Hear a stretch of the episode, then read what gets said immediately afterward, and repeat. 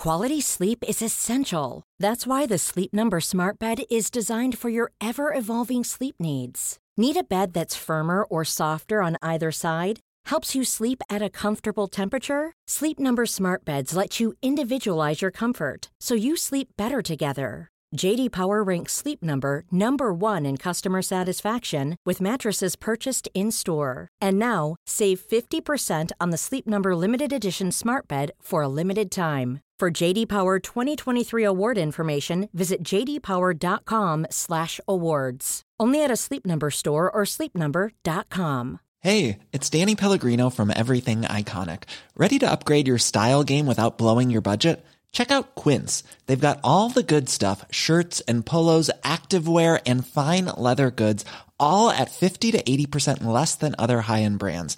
And the best part? They're all about safe, ethical and responsible manufacturing. Get that luxury vibe without the luxury price tag. Hit up quince.com slash upgrade for free shipping and 365 day returns on your next order. That's quince.com slash upgrade. Hiring for your small business? If you're not looking for professionals on LinkedIn, you're looking in the wrong place. That's like looking for your car keys in a fish tank. LinkedIn helps you hire professionals you can't find anywhere else, even those who aren't actively searching for a new job but might be open to the perfect role. In a given month, over 70% of LinkedIn users don't even visit other leading job sites. So start looking in the right place. With LinkedIn, you can hire professionals like a professional. Post your free job on linkedin.com slash people today. Veckans sponsor är Telia. Hos Telia samlar man mobil, bredband, IT-support, mobilväxel, allt som gör företagande enkelt. Och det är just det här att samla allt på ett ställe, att ha någon att vända sig till när det inte fungerar, det är Telia. Ett exempel på vad som inte är Telia, det är ju som när jag lyckas boka förmötet för en poddinspelning med Finansinspektionen till efter själva inspelningstillfället. Eller när jag här, här året var liksom, fick för mig att jag skulle börja springa, så jag är liksom ute och springer taggad, träffar en kompis som säger så du Jan, på måndag ska jag springa ett lopp. Och jag känner så här, ja men det låter inspirerande, så jag käkar pasta, jag byter om, tar mig ner till Malmö stadion för att göra en efteranmälan, står där i kön och sen så när jag liksom anmäler mig så tittar de på mig och säger så här, du Jan, vårhuset är bara till för kvinnor. Och eh, det var, det var typisk en situation som inte är Telia. Oavsett, ett stort tack till Telia som sponsrar, gör Rika Tillsammans möjligt, men framför allt tack till dig som lyssnar, följer och eh, hänger med oss varje vecka. Det är alltså en risk då att ha, man har banken som motpart. Mm. Och det nya systemet är lag inom EU. Du lyssnar på Rika Tillsammans-podden som handlar om allt som är roligt med privatekonomi i den här podden får du varje vecka ta del av konkreta tips, råd, verktyg och inspiration för att ta ditt sparande och din privatekonomi till nästa nivå på ett enkelt sätt. Vi som gör den här podden heter Jan och Caroline Bolmesson. Idag är det dags för avsnitt 73 som kommer handla om ett lite annorlunda tema än normalt, nämligen frågan vad är pengar? Och det är ett avsnitt som jag tänkt göra under ett ganska långt tag, men känt mig ganska ensam i funderingarna. Och det är därför jag blev så glad när Erik Strand, som är hedgefondförvaltare på Pacific eh, Fonder, var så här, wow, detta är en fråga som jag också funderat på. Så detta är egentligen en fortsättning på föregående avsnitt om marknadsläget, fast utifrån perspektivet så här, vad är pengar? Så att, eh, varmt välkommen tillbaka Erik. Tackar, tackar. Vi börjar så här, varför är det ens viktigt att ställa sig frågan vad är pengar? Ja, det är lite det här är väldigt intressant som du säger och väldigt svårt och eh, egentligen ju mer jag själv forskar i det, ja. ju, ju svårare blir det. Ja. Eh, så att eh, vi ska kanske inte förvänta oss att vi kan ge alla kunskap om hur, hur, det är. Eh, men det är fantastiskt roligt att den här frågan kommer upp tycker jag. Mm som kommer bli en framtidsfråga. För någonstans har vi byggt ett samhälle på vad vi anser som självklarheter och så har vi egentligen glömt bort vad det var. Mm. Och sen har det liksom blivit, tagit sitt eget liv. Mm. Eh, och det, det, det, uppstår ganska många intressanta fenomen och även Sverige är lite i framkant i problematiken i mm. det här. Och det kan kort säga, det handlar ju om att vi använder väldigt lite kontanter. Mm. mm. Och vi tycker det är väldigt smidigt att betala med våra kort eller swishar eller mm. vad det nu än är. Eh, och detta är en fråga som Riksbanken har som en eh, problemfråga, hur det här är. För att för Riksbanken är kontanter viktigt. Mm. Men vi ska komma in på det lite mer, så att mm. det blir väldigt aktuellt. Jag, mm. jag refererar lite till ett tal som eh, Ingves höll här i, i somras faktiskt, mm. just runt pengar och pengasystemet. Så, att, eh, så det är väldigt intressant jag tycker detta är spännande, för jag har försökt göra detta avsnittet i två år, sen jag fick frågan av en, peng, en kompis, men vad är pengar? Kan du inte förklara det där med monetära systemet och, och krediter? Du vet, och det blir lite en känsla så här down the rabbit hole. Eh, och, och, sen, och sen eh, hittar man eh, så skumma sajter liksom, och, och då blir det så här, men gud, kan det verkligen funka så här? Och sen skickar man med till Riksbanken och får, får svar som är lite konstigt. Och så här. Så det jag, låter ju jättespännande. Du ja. säger att du hittar skumma sajter, men jag lämnar, jag ja, ja, precis. men men kan, vi inte, kan vi inte bara börja i, i, i liksom så här, i, i bör, så, här, så Från början? Från början. där jag tänker att, bör, liksom, hur Vad är bör, början? Ja, men hur, så här, hur gjorde ja. vi förr? Ja, alltså förr så handlade det ju, hade vi ju, på engelska heter det bartersystem, byttes. Yeah. Vi bytte, vi bytte saker, mm. tjänster. Eh, men det blir ju ganska svårt och, om någon ska ha någon större sak och inte ha några små, alltså det är svårt att dela på en ko eller på en traktor. Eller liksom. Precis, eller om jag inte, du, liksom, du har kor att erbjuda, men jag behöver inte en ko just nej, nu. Nej. Så blir det så här, nej men då vill inte jag byta. Ja men du behövde ju skorna ja. just nu. Det blir, det blir väldigt svårt. Och, och där började vi och sen så har vi ju då hittat olika sätt att uh, göra pengar istället. Mm. Och där pengar handlar ju om ett förtroende. Mm. Det vill säga att om jag nu inte får den här saken mm. eller tjänsten, utan jag får den här pengen, mm. Eh, så ska jag kunna använda den pengen någon annanstans. Mm. Så att jag ska ju ha ett förtroende på att den är värd det, så att när jag går någon annanstans får det mm. jag tror att den är värd. Mm. När jag köper något och, och, och fallerar det där, då fungerar det inte. Mm. Så det måste finnas ett starkt förtroende för att det jag får är värt någonting. Uh, för nu när vi har kommit över på både papperspengar och elektroniska pengar, mm. så blir det ju ännu viktigare liksom att veta för att de är inte värda så mycket i sig. Mm. Men jag tänker på det där som vi tar i historien, eh, så var det den första så här beskrivningen jag hittade i en bok, det var ju så här med korsriddarna, att man skulle frakta pengar då mellan då Europa och till exempel Jerusalem. Och så blev man ju alltid anfallen och, och blev liksom rånad.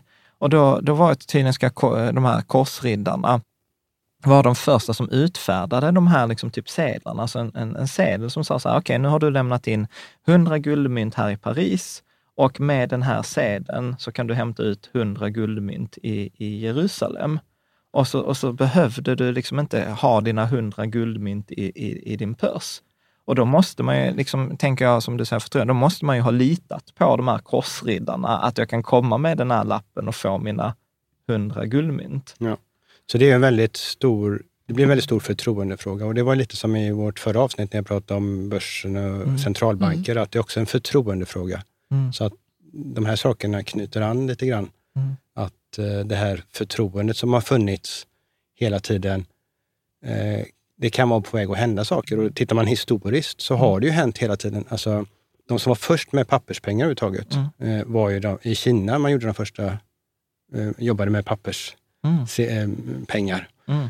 Så var det pengar då? Eller var ja, det så? pengar. Nej, nej, som pengar. Ja, ja. De var först med, med, det och vi kommer även komma in på Sverige som var först också med kreditsedlar. När var det i Kina? Man... Det var i alla stora dynastier. Alltså man, man alltså det är hundratals sex... år ja, ja. sedan? Tusen, ja, tusentals. tusentals. Mm. Så de stora dynastierna, det hände samma sak egentligen, tyvärr. Och det är det som kanske de flesta saker kommer visa. Att man börjar med det här och sen så börjar man göra lite fler mm. under bordet. Ja, men precis. Och, och, så tappar de värdet och sen så, så, så kraschade den dynastin. Ja. Och, och, så kom ju en ny dynasti som började med rena ja. kort. Ja. Och så hade de en lagom mängd pengar och sen så började de växa och kriga och allt vad de expanderade och så började de göra lite mer pengar och sen kraschade de. Och sen, så att det, man kan säga att fenomenet blev ganska stort i Kina när det gäller papperssedlar. Eh, annars finns det ju då om vi nu tar romarriket som ändå var en stor period också, där man då använde silvermynt. Mm. Ja. När man ser när det, när det började vara friskt så, så var det 90 procent silver i, mynten. Mm. Eh, och när det egentligen gick under då, eh, många hundra år senare, eh, så var det under 10 procent silver mm. i mynten. Så det, man hade en inflation genom att minska mm. mängden silver och, och det var väl då att minska allting blev sämre. Och, mm. men, kan, men kan du inte förklara detta med eh, liksom att man, varför minskade man mängden silver eller varför tryckte man? Alltså så här, vad, vad, vad är incitamentet för de som inte hänger med? Ja, incitamentet eh, är ju frågan om det finns någonting, men stater har ju en tendens att liksom behöva pengar för de driver och har kostnader. Eh, och stater har ju, egentligen har ju stater bara ett sätt att eh, få in pengar, det är att beskatta oss. Mm. Och det är därför egentligen stater får låna pengar, för att de är, är har en eh, trovärdighet mm. till andra länder för att de har en obegränsad beskattningsrätt av sina medborgare. Mm. Och då, då, tänker man så här, om jag bara spekulerar, så här, känner man ibland som snillen spekulerar. Men, men så här, okej, okay, men vi kan inte höja skatten mer, för då får vi befolkningen emot oss och då kanske det blir revolution eller vi blir bortröstade.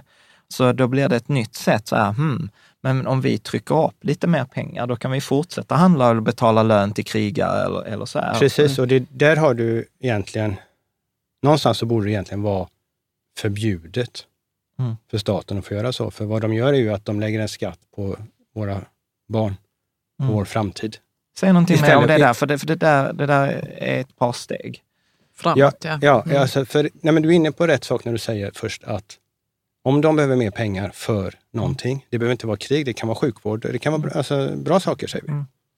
Men och de, en stat måste ju någonstans, borde, måste, mm. driva en budget i balans. Mm. Ingen kan ju säga att det är sunt att driva det med underskott eller mm. fel eller ha för mycket utgifter. Alltså, alltså I grunden är det som en hushållsekonomi. Ja, du det... kan inte driva den för länge och gå back varje månad. Eh, förutom att staterna då har lyckats hitta en väg att göra det. Ja, Men att... vi kan inte det. Mm. Och där är problemet att eh, det är så mycket enklare att ta den bakvägen mm. än att höja skatterna. För hade de höjt skatterna och sagt att vi måste höja skatterna för det kostar så och så och det är, mm. liksom, det är vi som är här och jobbar som får betala det. Mm. Då har det varit, så är det. Mm. Och då hade vi kanske inte tyckt om dem. Mm. Och Det är där det liksom krockar, att de ska vara populära och mm. omtyckta istället för att mm. ta den raka sanningen. Och då är det bättre att låna på framtida, framtiden. Vi lånar på, vi, vi tar en intäkt på framtiden och hoppas att det löser sig. Och det är någon annan som får betala tänker du? Ja, det är barnen. Ja, framtiden, våra ja, barn. Våra barn Barnbarn. Ja. ja. Alltså jag, jag, kan säga att efter vårt eh, avsnitt, där, jag tror det var avsnitt 51, där vi pratade om din eh, guldfond Pacific Precious, så gjorde jag en, eh, en jag hittade en, en modell där de tog så att 1910 så kostade en T-Ford, jag tror det var 217 dollar eller något sådant, något sådant. Och det var omräknat i guld var det 450 gram. Mm. Eh, 100 år senare, 2017, så kunde du få en Ford Focus då kostade den 22 000 dollar, men den kostade 480 gram i guld. Mm. Så i, i, i, guld, hade man liksom istället räknat eh, liksom gram guld i pris på bil, så var priset 1910 eh, och 2017 nästan samma. Men i, i, i dollar så hade det gått från 200 dollar till 22 000 dollar. Ja, och det, det, det ser man ju. Vad jag tycker är intressant är att se en bild där man förstår att världsvalutor har kommit och gått. Alltså mm. vi hade romerska riket, vi hade bysantinska riket, vi hade när Holland var det stora landet, Spanien mm. var det stora världsvalutan, vi hade mm. pundet som världsvaluta. Nu är det dollarn. Mm. Yeah. Och dollarn infördes, den, nya, den tredje dollarn är det, den nya dollarn infördes 1913 med, när Fed skapades. Och har då på de här drygt ja, 100 år och lite, några till då, eh, förlorat 97 till 98 procent av sitt värde. Mm. mm. Exakt. Det, det är ju helt, eh, helt... Så frågan är ju, kommer vi vara de som upplever en någon ny valuta mm. istället för dollar? Det är, det är ganska intressant. Mm. Om vi får vara en generation som får uppleva, för det var ju ganska stort från dem när man gick från pund till dollar. Mm. Yeah. När England var det så att säga det stora mm. världsherraväldet. Mm. Jag tänker så här... Så det är mycket historia. Vill, du fortsätta eh, där? För annars så tänker jag att eh, titta lite på det här med eh, fraktionellt banksystem. Ja, nej, men, det, nej, men det, det, det, bygger an där, så det kan vi ju... Mm.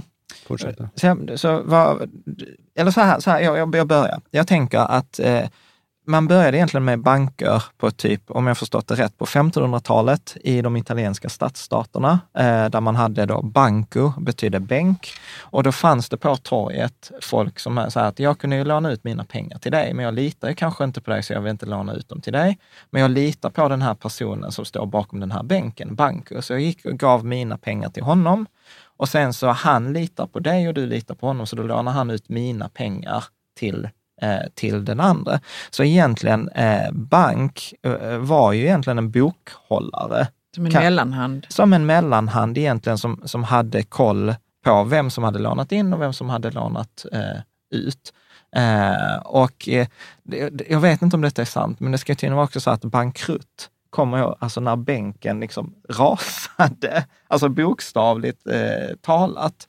Eh, hade de också sett att få tillbaka pengarna? Ja, det hade de säkert. Jag, precis, och jag tror att det var mer åt Hells Angels-hållet eh, idag. Nej, men eh, så här, mm. skämt åsido. Så att där, där börjar väl egentligen banksystemet eh, och då hade man väl en 1 till 1 utlåning. Men ganska, ganska snabbt så kom man ju på att det är ett ganska ineffektivt sätt. Ja, det man kan säga, alltså även när jag var lite yngre och i början av min finanstid så trodde jag faktiskt själv att yeah. jag lånar ut 100 kronor mm. och så får jag 1 procent ränta mm. i banken och så lånar banken ut det till någon och, och tar 3 procent och så tjänar de 2 procent. Mm. Det är så mm. man tror att det funkar. Ja, det har jag också trott väldigt länge. Och det är ja. det som kallas 1 till 1 då. Ja, ja, ja det, det, det, det, finns Vi är inte ens i närheten. Nej. Utan det, vi är 10 till 1. Mm. Mm. Eh, så vad betyder, vad betyder 10 till 1 nu Det då? betyder att, att, ska se om man kan förklara det i ord, det är lättare på en bild kanske, men Eh, när jag sätter in 100 kronor på banken, nu egentligen fungerar det omvänt idag, mm. men det enklaste att förklara det så här. Eh, fractional reserve banking. Jag sätter ja. in 100 kronor på banken, då får banken låna ut 91 procent, för de ska ha 9 procents täckning så att säga. Mm. Och så lånar de ut 91 procent mm. till någon, till Jan, som går och köper någonting i en affär. Då hamnar de 91 kronorna där. Den personen sätter in de här 91 kronorna på sin bank, mm. då får den banken låna ut 82 kronor mm. på dem mm. och så går de 82 vidare mm. och då får nästa steg så får mm. en bank låna ut 73 kronor. Mm. Och så går det vidare. Så, och då blir det matematiskt, då, när man har 10 täckning, så blir det 100 kronor blir 1000 kronor i banksystemet. Så bankerna skapar pengar, inte Riksbanken utan bankerna. Och det gör att det finns bara 10% av de pengarna Verkligen. Riktigt. Som alla vill ta ut sina pengar samtidigt. Mm. Så är det bara 10 procent som får sina pengar. Jag och det är det här som inte får hända. För då får vi det som, när det blir kris, något som heter bank run. Mm.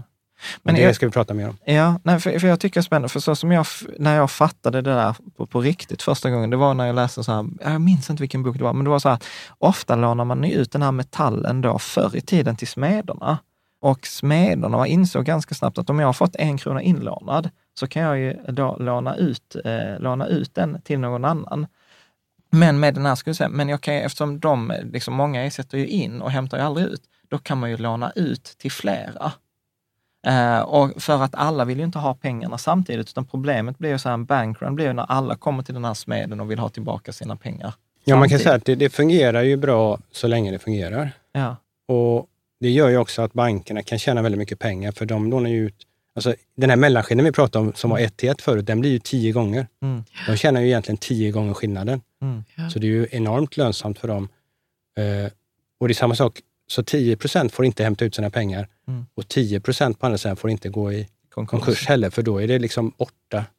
Uh, det positiva med det här, det är ju att vi har alla de här tekniska sakerna och vi har haft så snabb utveckling. För det, det gör ju att samhället växer så mycket snabbare mm. än ett samhälle som har en långsam utveckling. Mm. Så det, det, är ju det positiva, att vi, vi hade varit mycket längre tillbaka i tiden utan den här biten. Mm. Problemet är att vi bygger upp en bubbla mm. som kan spricka eftersom det inte är tillräckligt stabilt när det krisar. Mm. Jag ska säga om, om, jag kan, om jag har fattat detta, detta rätt här, Erik.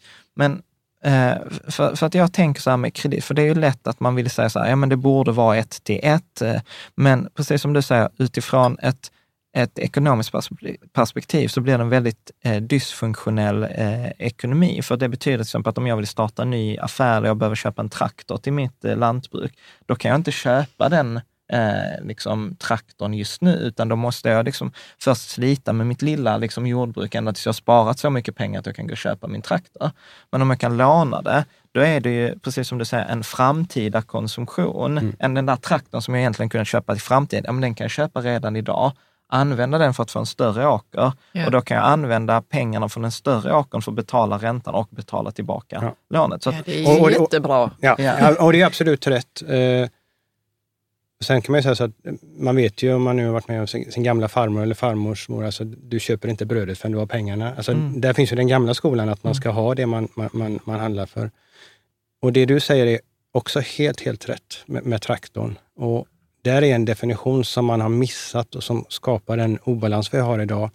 Och det är att börja prata om bra lån och dåliga lån. Inte kredit, alltså om mm. det, alltså de går dåligt, men alltså bra lån är ju för ett företag som ska liksom skapa någonting, producera någonting. Då är det liksom, eller vi, om, vi lånar, om staten lånar pengar för att bygga en väg, mm. då är det ett bra lån för det skapas liksom en väg som vi har nytta av och det är arbetstillfällen och, och, och så vidare. Men vad som har hänt, kanske så sista 20-30 åren, det är ju att vi har börjat låna till saker som inte ger någonting. Mm. Ja, men vad kan det vara som man har lånat till som ja, inte vi ger lånar till konsumtion, alltså som inte är produktiv, som skapar alltså, någonting. Precis, det, det enkla exemplet är ju så plasma-tv. vi lånar till en plasma-tv, delbetalar mm. på 24 månader, betalar en ränta på det där. Det ger, skapar ingenting. Jo, men, men vi konsumenter, men kan staten göra sådana dumma lån också? Ja, de kan ju låna, de låna, till, till att, alltså, säga att de driver verksamheter på ett väldigt dåligt och ineffektivt sätt och det är ja, dyrt det och då måste de ju... Ja. ja. ja, men är det lättare att låna pengar för att fortsätta göra det istället mm. för att kanske göra det på ett bra sätt. Alltså, ja.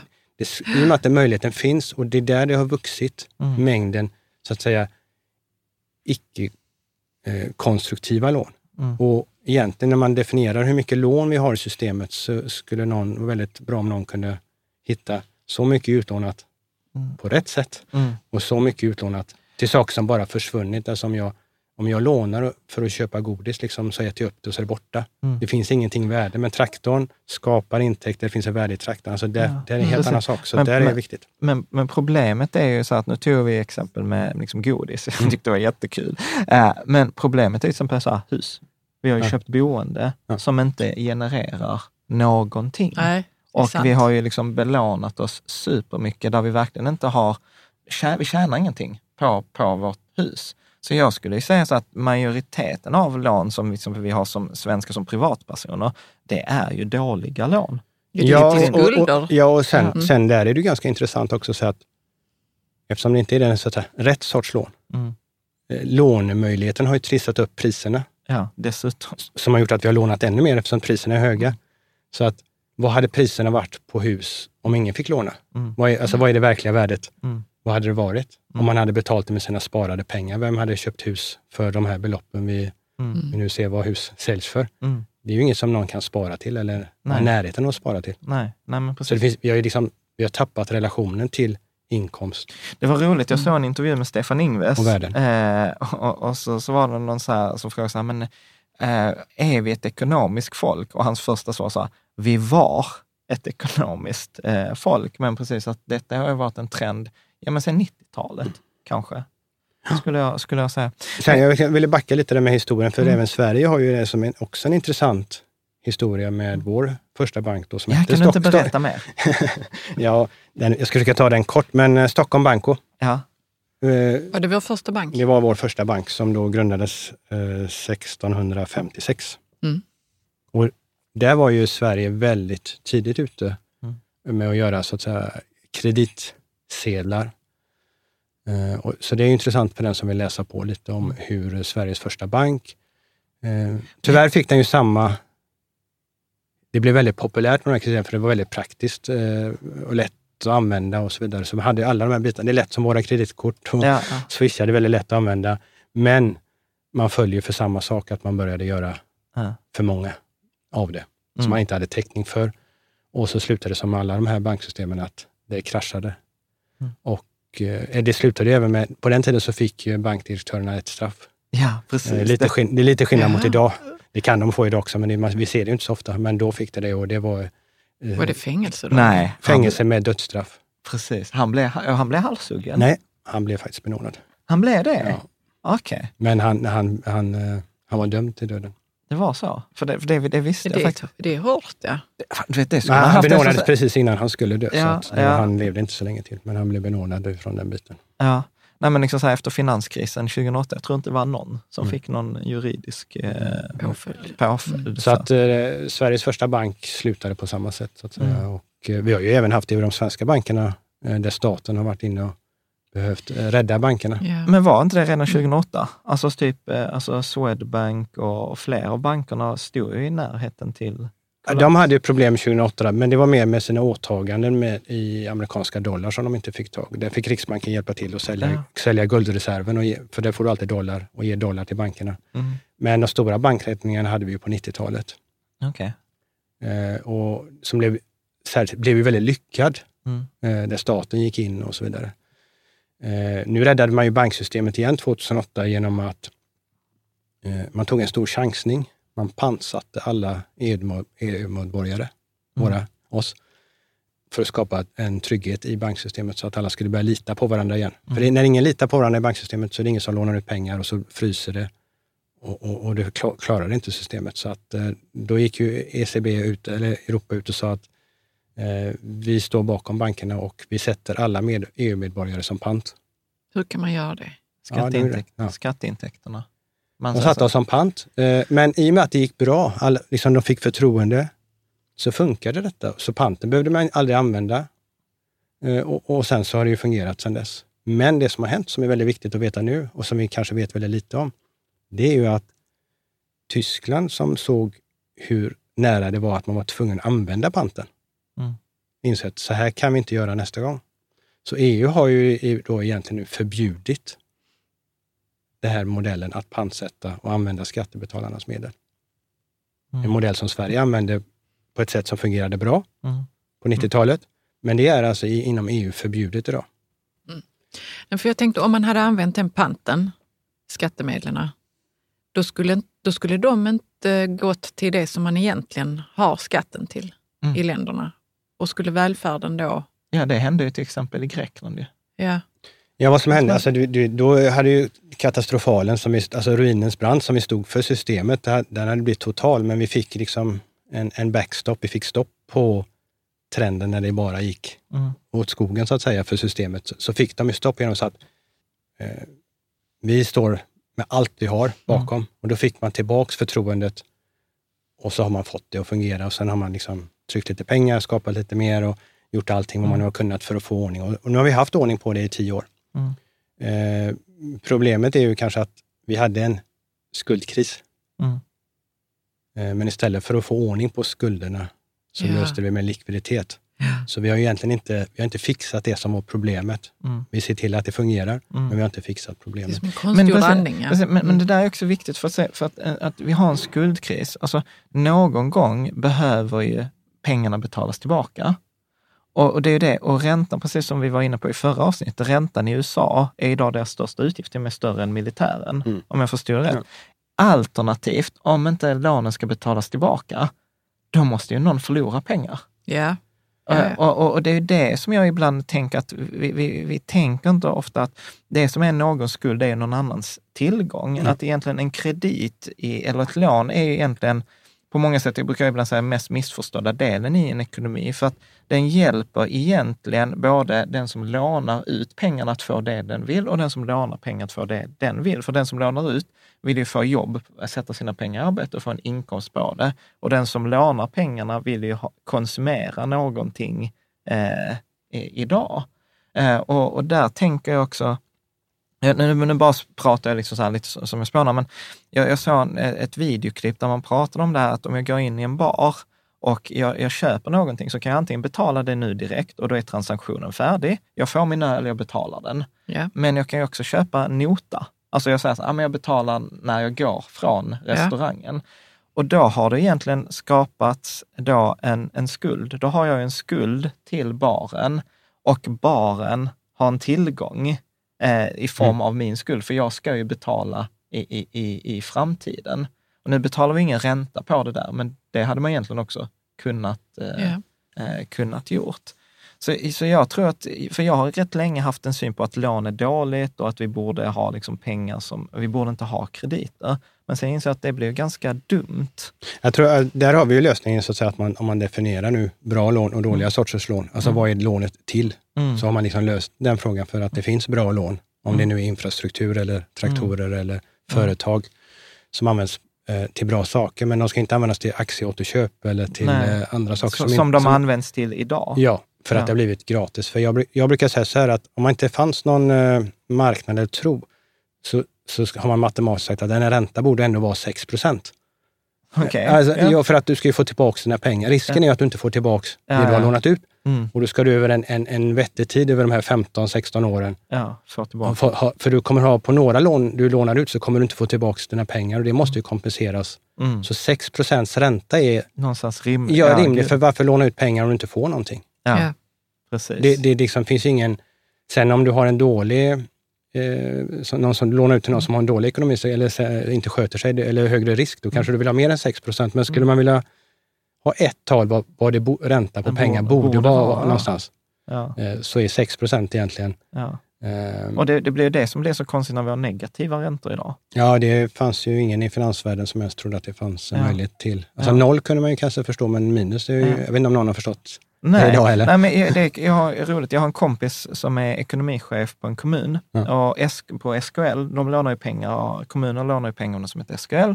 Eh, och de, de, jag tror de har minusränta på sina lån. Så kommuner i Sverige idag som lånar pengar, får, han säger så att vet, varje månad bokför jag en intäkt på de lånen jag har fått. Och han säger så att det, alltså det är jättekonstigt. Eh, ju, kommer det, vi inte se tillbaks på den här tiden som att det var, det, det var, en märklig tid? Ja, när de kommer ner från Mars. Och ja. vad, vad höll vi på med där? Precis. Eh, men det som var viktigt förut också, det var ju det här vi pratade om att, att eh, med skattebetalarnas medel, hur räddar man systemet? Mm. För systemet är bra, eller dynamiskt, mm. men problematiskt eh, om det blir problem. Mm. Alltså, då, för då fungerar det inte riktigt, för pengarna finns inte på det mm. sättet som vi tror. Det är nämligen så att en hundralapp en sedel mm. är ju en fordran på Riksbanken. Mm.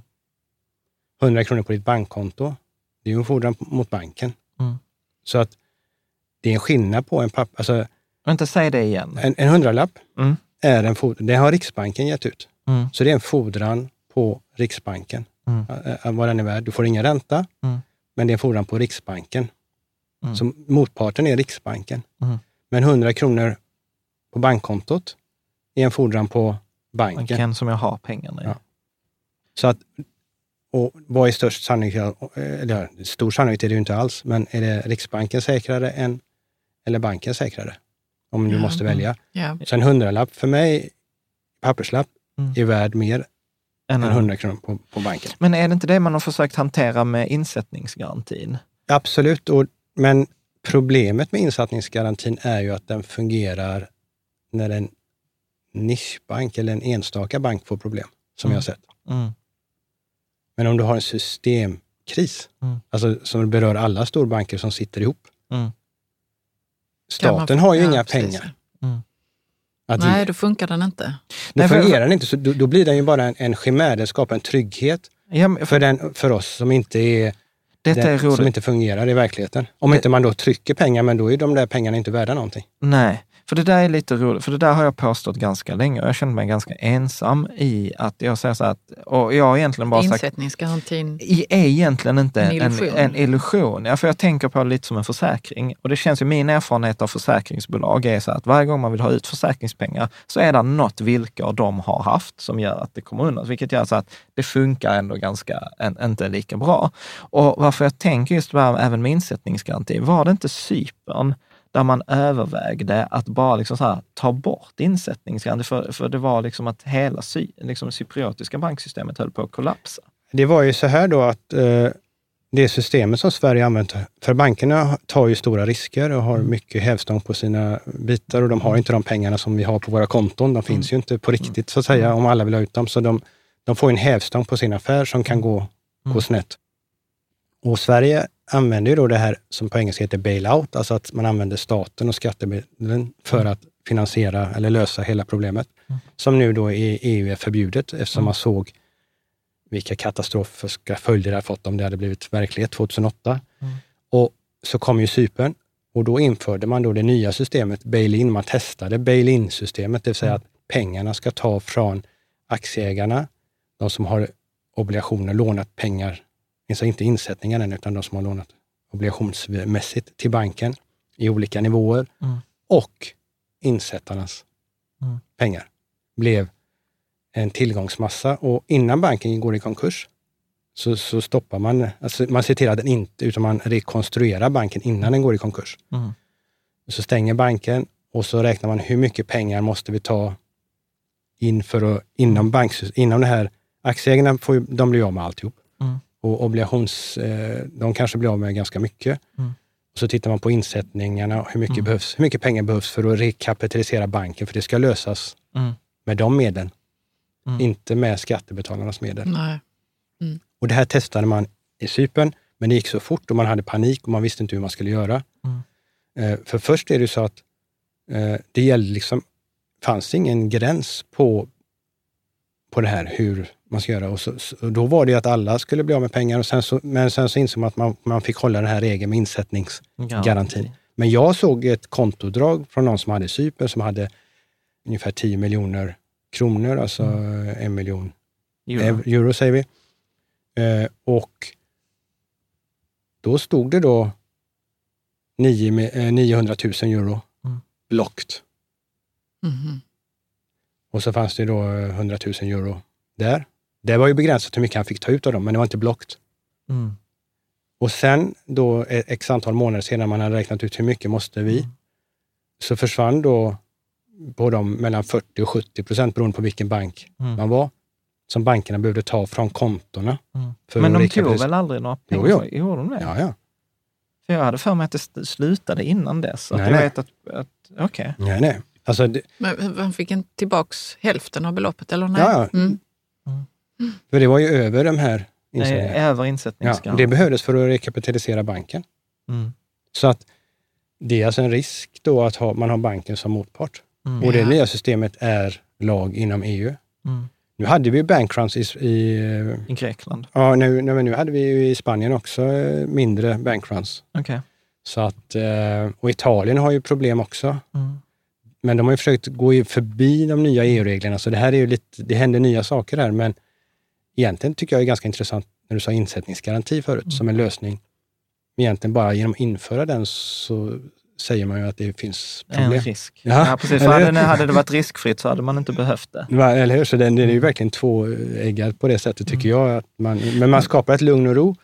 Eh, och, men EU håller ju idag på eh, att skapa ett regelverk på hur, hur ska vi agera vid en bankrun? Mm. Hur, hur ser vi till att insättarna inte kommer åt sina pengar? Det låter det, så, så dystopiskt. Ja, ja, det låter ju hemskt, men ja, det, är ju, ja. det är det de måste göra. Ja. Hur, för det, annars kommer ju de som är där först få sina pengar och de andra inte får. Så det måste bli ett system. Det måste, det måste mm. fungera mm. när det händer. Mm. Så EU eh, gör detta. Eh, och den stora frågan jag får ju då, för jag, när jag sätter in pengar på banken så gjorde jag det för att de ska vara skyddade, för att jag inte ska bli rånad. Alltså inte bara för att få ränta, utan det är för att jag inte ska ha dem hemma. Det är ju ett skydd att jag ska ha dem. Men om jag stoppar in dem där, är mina pengar mina pengar? För om de är mina pengar så får jag ta ut dem Nej, när jag vill. Då ska inte någon kunna säga att jag inte får det plötsligt. Mm. Så att det här kommer bli väldigt intressant när alla börjar bli intresserade om mina pengar är mina pengar eller yeah. inte. Men det, om, om, vi skulle bara så här, uh, chunk it down, alltså så, så om man som jag nu lyssnar på, på det här eller tittar på avsnittet, så här, vad ska jag göra? För att det, och det är här jag menar att man hamnar down the rabbit hole. För drar man detta ett par steg till, då är det så här, jag ska köpa konserver, gräva ner guld i trädgården och eh, ammunition till, i geväret. Typ. Eh, för du nej, tänker nej, nej, på nej, nej, nej, nej. prisen? Ja, eller? Nej, nej, det var liksom pengar. Så här, staten, ja, snor, ta, ta, staten snor mina pengar, mina pengar är inte mina. Alltså, ja, ja. Okay. Liksom, jag uh, överdriver. Ja, ja, det är klart. Det, och det är väl man ska säga så här att om, om vi får problem, om man inte visste någonting och blir överraskad, mm. det är liksom det sämsta alternativet. Så att mm. ha en viss kunskap om det, en viss förståelse och en viss förberedelse för det. Eh, men problemen behöver ju inte uppstå. Nej. Det är ju ett, ett förtroendespel. Så länge allting fungerar så fungerar det. Mm. Men det finns risker i det. Mm. Det är inte liksom riskfritt och det gäller lite att se vad man har för motparter, motpartsrisker. Det är frågor som man inte har tänkt på förut mm. tillräckligt mycket. Alltså vem är det på andra sidan? Vem betalar de tillbaks mm. pengarna? Om man, mm. Eh, för även till banken så är det så att du sätter inte in pengar på en bank. Det är inte mm. det du gör, utan du lånar ut pengar till en mm. bank. Yeah. Det är en ganska viktig definition, men det är sånt som inte vi riktigt... Men vi har tappat inte på bort det, för det har blivit så, så elektroniskt, så, så lätt och fixat och skickat. Och det, mm. Ja, det är smidigt och det är ja, bra. Det heter, alltså, gud vad roligt när du säger så här, vi sätter inte in pengar, vi lånar ut. Det heter ju ur bankens perspektiv, heter det ju inlåning. Ja. Inlåning och utlåning, mm. det är ju det en bank gör. Mm. Ja, så gud, bara så slog mig nu. Jag, Nej, när jag, alltså, jag trodde jag satte in pengar och de var skyddade för att jag inte ska bli rånad. Ja. Pengarna hemma, att de var ja. tryggt förvarade. Ja, precis. Det var min eh, gamla bild av mm. varför jag satt satte in pengar på banken, men det gjorde jag inte då, utan ja. jag lånade ut pengar. Ja. Eh, utan Precis. ränta då. Ja, och inte så mycket säkerhet heller kanske. Nej. Men jag vet också att vi pratade lite om betalningssystemet. Vad, vad, tänker du kring det? Ja, alltså man nu börjar titta på vad händer i världen, vad är det som mönster som rör sig, så, så ser man, det är så mycket politik, så mycket maktkamp mellan länder. Någonstans är det ändå makt. Om man tittar på landnivå, det handlar om USA, Kina, Ryssland olika presidenter. Och hittills har ju USA haft en enorm makt. Dels genom att ha dollarn som varit reservvaluta. Mm. Dels har man då ägt eh, Swift-systemet som är det system som behövs för att pengar ska transfereras mellan banker och i hela systemet. Och Det här har gjort att som USA har kontroll så har de kunnat lägga sanktioner på Ryssland eh, och, och liksom frysa deras banker och de får inte tillgång till någonting. Mm. Eh, och där har det ju liksom börjat hända också mycket nu som aldrig hände förr. Så i Ryssland, hur betalar vi nu då? Ska vi betala i något annat än dollar? Ska vi använda, ja. inte använda dollar? Ska vi använda... Eh, Remimbi? Ja, precis. Eller ska vi använda euro? kom de ju nu med e energi i Europa. Mm. Ska vi använda euro istället och transferera pengar så? Till och med en e-rubel, då använda blockchain. In, mm. Inte att den ska bli värd någonting särskilt, mer mm. än en rubel, mm. men att det, ett betalningssystem som går utanför Swift. Mm. För att eh, hela Swift-systemet har varit en stor maktmöjlighet för USA att mm. trycka ner alla andra. Och, så yeah. där börjar det hända och då börjar man ju också ifrågasätta valutan, dollarn. Mm. Den har ju, nu har den ju mm. stärkts för att det eh, varit lite oroligt i världen. De höjer räntan för alla andra. Men om den tappar sin position, att folk börjar, eller länder börjar handla med, med euro eller med, med sina egna valutor mellan varandra eller med guld mellan varandra. Mm. Yeah. Eller använda andra betalningssätt. Det där är ett fenomen att hålla koll på, för mm. det är någonting som händer i vår tid. Mm. Det, liksom för 10-20 år sedan så var det en, fanns inte den frågan. Nej. Så det tycker jag är väldigt intressant och den hänger lite ihop med vad är pengar? Mm. Vem står bakom värdet på dem? Mm.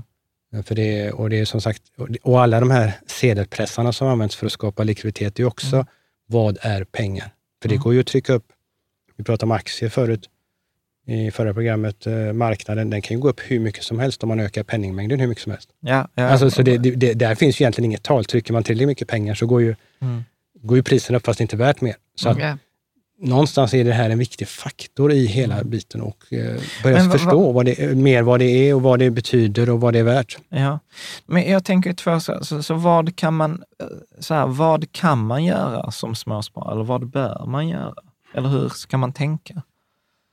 Ja, alltså först finns ju de här eh, bitarna nu om vi fortfarande, för jag hoppas ju på att mm. insättningsgarantin fungerar och är en bra, bra modell, även om vi kan då undra varför ska den behövas egentligen, eftersom mm. bankerna borde ju vara trygga och säkra, men den finns där. Eh, och jag vet ju förra krisen att folk börjar fördela sina pengar på olika banker.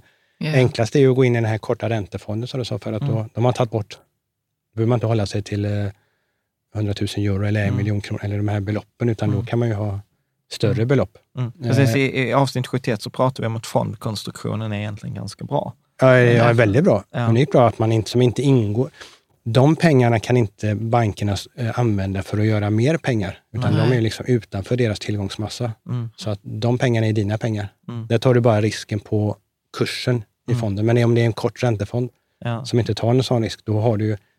Eh, så det är ju där ett perspektiv Så att egentligen är ju så här, skulle man titta utifrån det perspektivet så är en kort räntefond, även om den inte ger någonting, så är den säkrare på det sättet än en bank. bank. En ja, man drar det till sin spets, men alltså, normalt sett så, så fungerar ju allting. Mm. Och våra banker är ju... Ja, men precis, men i extremfallet. Och, ja. och, och precis. Mm. Ja, och du ser ju snabbt hur vi får lite problem. Jag menar, vi, nu har vi nu Danske Bank, Nordea Bank, alltså mm. saker som händer som vi har... Vi trodde inte att det var möjligt eller var mm. sant. Alltså, mm. det går ganska fort. Mm. Eh, för att få den Danske Bank de kan ju bli av med sina tillstånd. Vad händer då? Mm. Alltså om USA... Ja, senast idag var det nog så att SEB hade ja. varit med och svindlat tyska staten på en miljard. Så har de fått 70, så har de fått 70 miljoner betalt. Ja, man blir lite mörkrädd. Vad, vad, ja, vad, vad, vad, fin, det tror man ju inte att det kan hända och förhoppningsvis är ingenting sant. Men, men, mm. Eh, mm. mm. men det, det dyker upp lite väl mycket tycker jag i, i medialt som, ja. som man, man blir ju lite fundersam. Så att, eh, ja. Precis, men eh, jag tänker, är det något mer som man eh, liksom kan, kan tänka på eller liksom? För vad vi sa nu var att man, man eh, har pengarna är mer säkra i en fond Ja, men till exempel så att det räknas, eh, är inte insättningsgarantin per, eh, per eh, institut? Alltså jag kan, om jag kan ha 100 000 på SEB, 100 000 euro, 100 000 euro på SEB, 100 000 på Swedbank. Men om jag har 200 000 på SEB så skyddas inte det. Nej.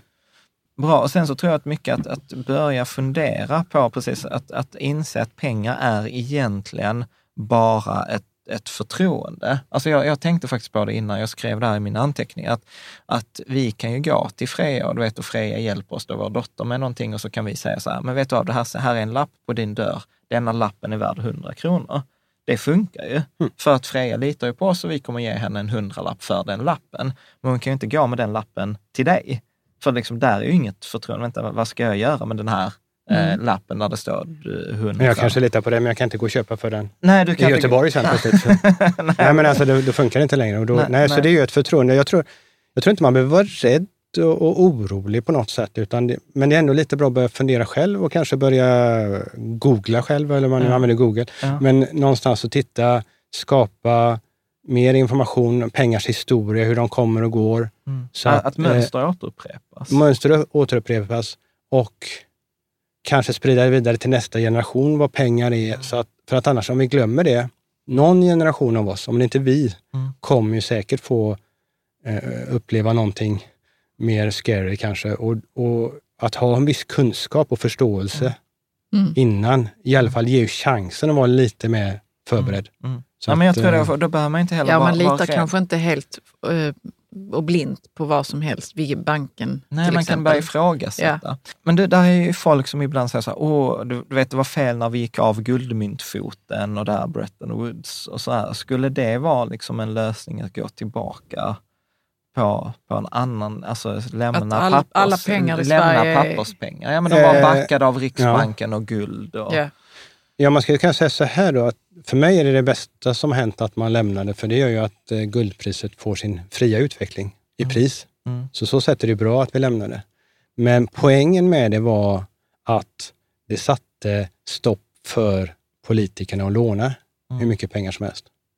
För mängden guld ökade ungefär med 2 procent mm. i världen eh, per år. Mm. Och det var ungefär det man hade som inflation och det var det som man... Så det satte satt ett tak, en, begränsning för politikerna att göra det som de har gjort nu, att man har lånat så mycket i framtiden. Så det hade en väldigt bra eh, funktion på det sättet mm. och en bra tanke bakom det.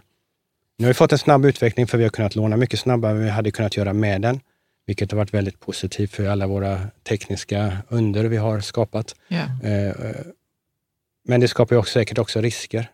Men i och med att jag förvaltar en fond som jag gör med Precious, eh, där eh, värdeutvecklingen på guld eh, återspeglas framöver, mm. så ser jag ju det som en fördel för att mm. i, i, en, eh, så som guld var förut, så var det ju låst mm. till något av staten bestämt värde. Mm. Så att eh, jag är glad att guldet blev fritt från den men, kopplingen. Men, men det där är ett, ett intressant, för jag pratade med någon som sa så här, men du vet, Jan, du vet, tänk om du istället för att, för att vi, vi är så vana att tänka i pengar, så sa han så här, men du vet, tänk om du istället värderar aktier i guld, eller du värderar som vi sa, tog exemplet med bilen i guld. Mm. Och då, då var han så här, men tänk om det är det som är värdet egentligen. För då blir det liksom väldigt tydligt att pengarna är variabla. Medan vi tror ju ofta att, att, att pengar, alltså spontant så tror vi att pengarna är fixt och att guldet varierar i pris. Mm. Eller att, att eh, liksom, valutorna varierar i pris. Men tänk om det egentligen är liksom, pengarna. Och det, för mig är det så här, jag, jag måste verkligen tänka till både en och två gånger. Att tänka så här, nej men en bil kostar 450 gram guld för 100 år sedan, den kostar 450 gram guld 100 år senare. Det är bara pengarna som har varierat i ja. värde. Ja, men mycket, mycket, alltså din vän har ju rätt, alltså guld, guldet varierar ju egentligen inte, utan det är ju valutorna som, eller mm. värdet på valutorna som varierar beroende mm. på mm. hur ekonomierna sköts. Så guld är guld. Mm. Eh, så att eh, jag anser att han, han, har absolut rätt. Och det är samma sak, skulle du under det här 2000-talet mäta börsen i guld istället, så har du ju en negativ utveckling istället för en positiv utveckling. Mm. Så att eh, ibland kan man ju ifrågasätta en börsutveckling. Är det, är det verklig utveckling? Mm. Eller är det bara för att det har skapats mer pengar? Ja. Som har pumpats ja, så, så, så, att där är det, det är en intressant fråga också, tycker jag. Mm. Eh, och han har helt rätt i sin fråga, eller mm. sin fundering. Mm, precis. Jag tänker att eh, vi ska liksom börja runda av. Det känns som att man kan prata mycket mer om det här, både då med, med krediter och eh, liksom pengar. Ja. Eh, för, och vart de är på väg. Ja, både ja. vart de är på väg, men också alltså, för, för om jag tänker som där i baren, alltså det där exemplet för mig var så här, gud, ja men så är det, för jag kan ju betala min öl ja, med, gång, med ja. pengar, alltså mm. kontanter, eller jag kan betala det med en kredit. Ja. Faktiskt, genom att säga så att en, en framtida skuld. Och, på, och på, på, det sättet så blir jag också så här, gud, men vänta, lån är egentligen en framtida konsumtion tagen till idag. Och det betyder att, precis som du var inne på, att i framtiden så kommer ju jag behöva betala det genom att leva under mina inkomster. Och det funkar ju till exempel så här studielån som är en kredit, funkar jättebra för att studielånet gör att jag tjänar mer i framtiden, vilket gör att jag kan betala tillbaka. Men varje gång man gör så här konsumtion, vet, som på vårt hus, då blir jag så här bara, för det betyder att jag i framtiden har satt mig i en sämre situation. Och, och jag tror att sådana saker för mig har blivit en ögonöppnare. Yeah. Ja, och det, förr i tiden, alltså vi backar 2000 år, så hade man ju modeller där fem, var 50 år så gjorde man en reset, alltså man eh, gjorde en skuldåterställning. Så att, ja. eh, och då kan ju en del tro att det, det kanske är modellen att vi skriver av alla skulder. Problemet mm. är att skriver man av alla skulder, eller mycket av skulderna, så är det någon som inte får sina pengar tillbaks. Mm. Och då går de omkull. Så att det är ju det är också det som blivit så komplicerat, att det sitter ihop väldigt mycket. Att det är mm. alltid någon på andra sidan Mm, och, den ser den som motpart. Mm. Och det är det vi varit inne på, de här motpartsriskerna. Mm. När vi har skapat det här systemet, de blir, de ja, blir väldigt viktiga. Och det funkar ju, alltså, jag gillar det här bar-exemplet. Motpartsrisken är precis när bartender ger mig ölen. Mm. Så här, då, hur stor är risken hos motpart, det vill säga mig som har köpt ölen, att jag inte springer iväg utan att, att, att betala? Och jag tror inte att vi tänker så, så himla ofta. Särskilt inte med pengar på, på min Det egen. som har fungerat bra för bartendern är ju att någon har säkert stuckit. Mm. Men i och med att han gjorde det här snälla mm. modellen att betala sen, mm. så har han säkert sålt fler öl. Yeah. För några har säkert druckit några till. Ja. För det var mycket enklare än att betala dem. Gå och betala hela och då, då, Så han har tjänat han har sålt mer öl. Ja. Så han har råd att ta en, en sån som springer. Som springer. Ja, och då har det varit bra för honom också. Ja, Men någonstans så blir det ju lite Ja. Du kanske, eller någon har köpt för många öl som inte är så bra att göra egentligen. precis, ja. Eller hade, så väldigt kul, hade du väldigt kul. Ja, nej, men precis. Men jag tänkte, det, det, sista som vi ska ta innan vi slutar, det det var ju så här, du, du sa innan att eh, Stefan Ingves, då riksman, han hade ett intressant anförande. Ja, alltså det tit, eller benämning på är det pengar och eh, betalningar och vart vi är på väg. Och mm. Det här höll han nu i somras, 2018. Mm. Och det tar upp mycket om det här med eh, kontanter, mm. Eh, elektroniska pengar, vem som ger ut pengar, vad det är för pengar, systemet. Så det börjar också bli intressant att det kommer därifrån, mm. från Riksbanken, vad vi är för tider. Mm. Så bara det tycker jag visar på att eh, det, det, är nya tider, lite nya tider för oss. Mm. Ja, och det är en, det är en aktuell, aktuell fråga. Det är ett fantastiskt eh, stort tack, Erik, för att du ville vara med och prata om det här, eh, det här ämnet. Jag hoppas att vi egentligen kan fortsätta det här ämnet på, i kommentarsfälten, eh, faktiskt, för mm. här är ju mycket frågor. Jag känner att det är frågor som fortfarande är obesvarade. Liksom, ja. Hur skapas ja. pengar ja. och hur, hur går det där till? Precis. Och inte minst att du säger så här, det är spännande tider, att Ingves håller detta.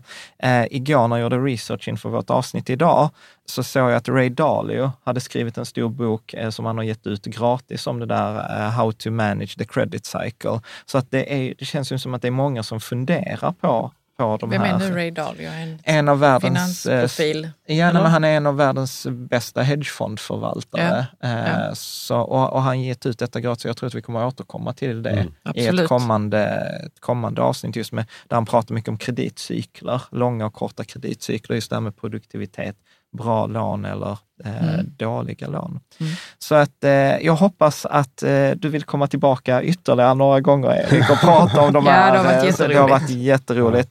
Mm. Eh, och för dig som tittar och lyssnar, titta gärna på de tidiga avsnitten då som är avsnitt 50 som handlar om Eriks eh, hedgefond, eh, då Pacific Multiasset, avsnitt 51, då pratar vi om då Pacific Precious med guld. Där pratar vi även om guld i ett större perspektiv, historien, att Vissa tycker att det är en barbarisk relik eh, och andra tycker liksom så här, oh, sälj allt. Eh, du vet, ha, guld, bara guld, ha ja. bara guld. Och där har du en ganska nyanserad eh, syn. Och sen har vi faktiskt förra avsnittet, avsnitt 71, mm. där vi eh, pratar mer om marknadsläget och, och liksom en viss problemen som har uppstått på aktiemarknaden. Så att, och sen dina fonder går att köpa på både Avanza och Nordnet. Så att, mm. är, något, är något du önskar att jag hade sagt mer eller tillägga? Nej, det är, väl jättebra så tycker jag. Ja, ja. Då slutar vi där. Tack för idag. tack. tack.